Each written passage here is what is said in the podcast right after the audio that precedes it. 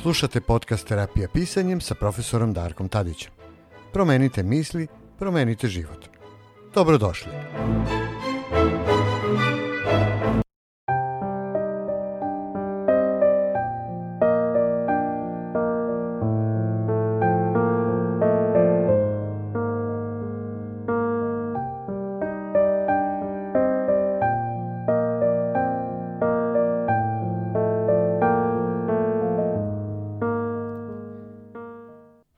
Današnja tema u terapiji pisanjem jeste dozvola za život. U radionicama kreativnog ili terapijskog pisanja često srećem jedan zanimljiv obrazac ljudske patnje, naime veoma čest izvor muka koje prouzrokuju anksioznost ili depresiju kod mnogih ljudi, jeste činjenica što nam oni kojima verujemo, kao što su naši roditelji, ponekad usađuju štetne ideje dok smo mladi, ranjivi ili lakoverni.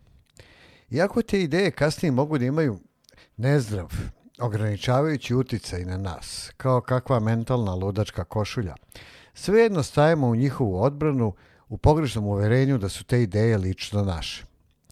Svaki čovek verovatno mora da prepozna svoje autentične ideje u sebi i da raskrinka i odbaci sve one škodljive koje su maskirane u stare prijatelje.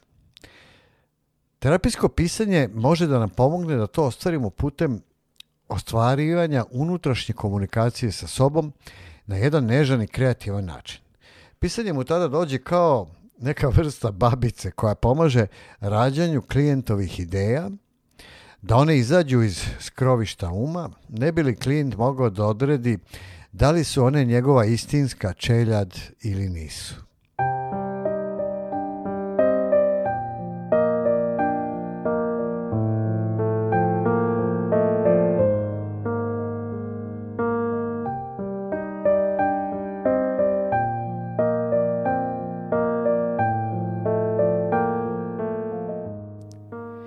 Ideja vodilja terapijskog pisanja je da kroz sinergiju misli i emocija radimo što više moguće na sadašnjosti sa pogledom uprtim u budućnost. Da živimo, kako se ono popularno kaže, ovde i sada. To može da proizvede pozitivnu promenu, zaista vrlo pozitivnu. Nasuprot tome, preterano trošenje sadašnjosti ili oduzimanje od budućnosti samo su zarad rada na prošlosti precept da se ništa ne promeni.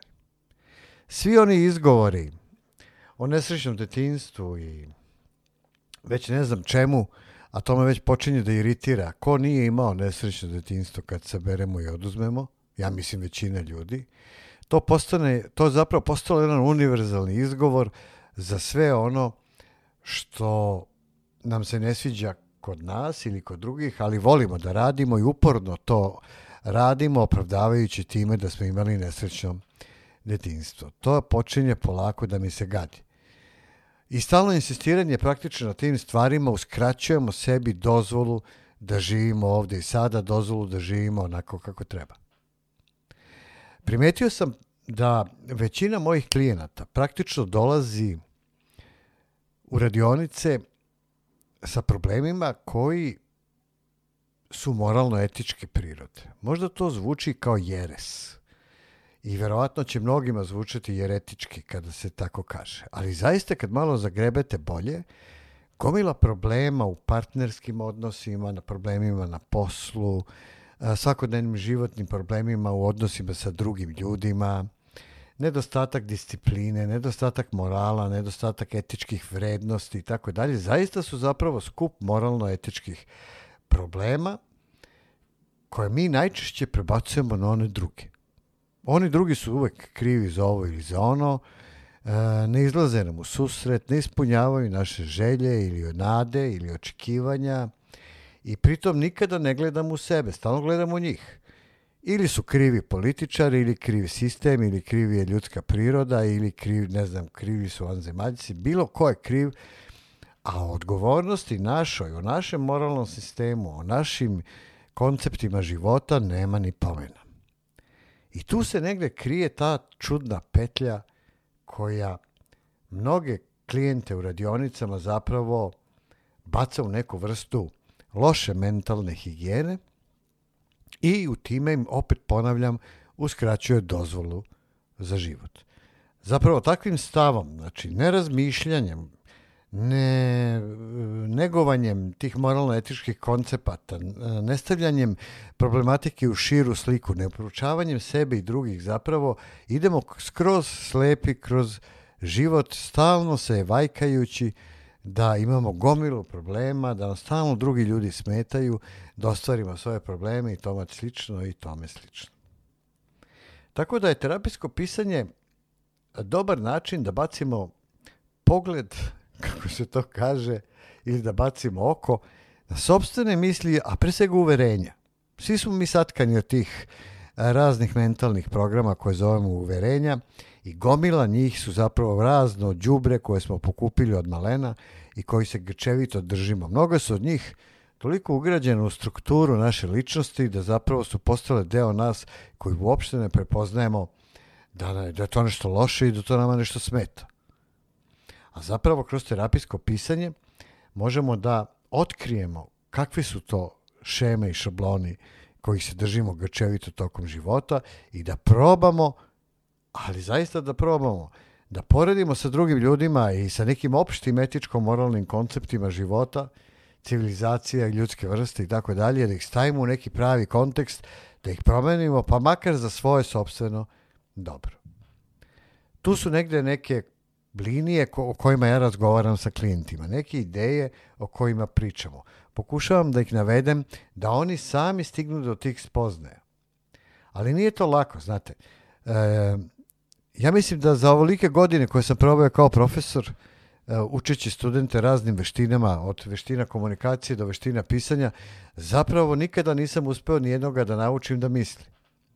A umeti misliti, to je zapravo velika veština. I kako vreme prolazi, shvatam koliko veliki trud čovek mora da uloži da bi zaista naučio tu jednostavnu stvar, da misli. To je nešto ono što zovemo često zdravim razumom. Sjetite se koliko puta smo imali prilike da vidimo ljude koji nemaju neko formalno obrazovanje, kamoli doktori nauka i ostalih stvari, ali su vrlo realni. Koliko imate, koliko ste u životu upoznali realne ljude koji su radnici, siljači, obični ljudi, ali imaju zdravog razuma, umeju da plivaju kroz život, umeju da donose mudre odluke. Često ih pitamo za savet. To su ljudi koji umeju da misle opet kažem, nevezano od formalnog obrazovanja. Hvala Bogu ako imaju obrazovanje, tim bolje. Ali generalno gledano, za neke ora, osnovne moralne, etičke koncepte i takozvani, ja to volim često da kažem, moralni kompas e, života, nije potrebno Bog zna kakvo obrazovanje. Dovoljno je da imate zdrave zrno soli u glavi i volju da učite, volju da postavljate pitanje i volju da saznate to je negde suština čime se mi bavimo u radionicama terapijskog pisanja. Da zapravo kroz vežbe osvestimo te naše mentalne programe i da osvestimo ta uverenja koje imamo, a onda posledično da osvestimo i preuzmemo kontrolu nad emocijama i ponašanjem koje su posledica zapravo tih uverenja. Tek kad uspemo da barem donekle načnemo problematiku i kad uspemo da ovladamo ovim tehnikama, onda možemo da kažemo – da smo sebi dali dozvolu za život. Sve do tada živet kao u mraku, kao oni Platonovi ljudi u pećini koji stalno gledaju tuđe senke, potpuno nesvesni realnog života koji se odvija tamo negde napolju. Živećemo u tuđim matriksima, znači u tuđim algoritmima i tuđim programima, a kako vreme izgleda napreduje, te algoritme i ta uverenja i te sisteme će da nam nameću kompjuteri da ih kontrolišu kako ih sprovodimo i kako živimo u njima. Da ne bi do toga došlo, dakle, otvorite pogled u sebe kroz pisanje, to je najbolji način. Vidjet ćete kako će da vam se drastično poprave odnosi sa drugim ljudima. Toksični ljudi će da otpadnu sami od sebe. Možda će da ostane jako mali broj ljudi, ali vi ćete biti spremni za njih i bit ćete uh, uživat ćete u njihovom društvu. I bit ćete mnogo otvoreniji za rast i razvoj, vaš lični. Ispunit ćete sebi život. Ne treba vam milion ljudi oko sebe. Par prijatelja, par đaka, par studenata, par kom, dobrih komšija, par dobrih poznanika. I to je sasvim dovoljno. Knjige, dobra muzika, rad na sebi i to je sve što vam treba. I naravno, terapijsko pisanje. Prave vežbe za prave ljude. I onda ćete dobiti dozvolu za život koji ćete sami sebi dati. A to je onda prvi i najvažniji korak da živite u ravnoteži, u harmoniji sami sa sobom, a onda i sa samim univerzumom i sa svim ljudima koji ga čine. Sa zvezdama, biljkama, životinjama, sa vašim unutrašnjim bićem, sa celokupnom prirodom. Zato uživajte u terapijskom pisanju. Uživajte u pisanju uopšte. Uživajte u kreativnosti. Radite nešto korisno za sebe, a samim tim ćete biti korisni i za drugi ljude. Dođite na radionice, dođite na seminare, dođite na webinare, pridružite nam se, pišite i uživajte.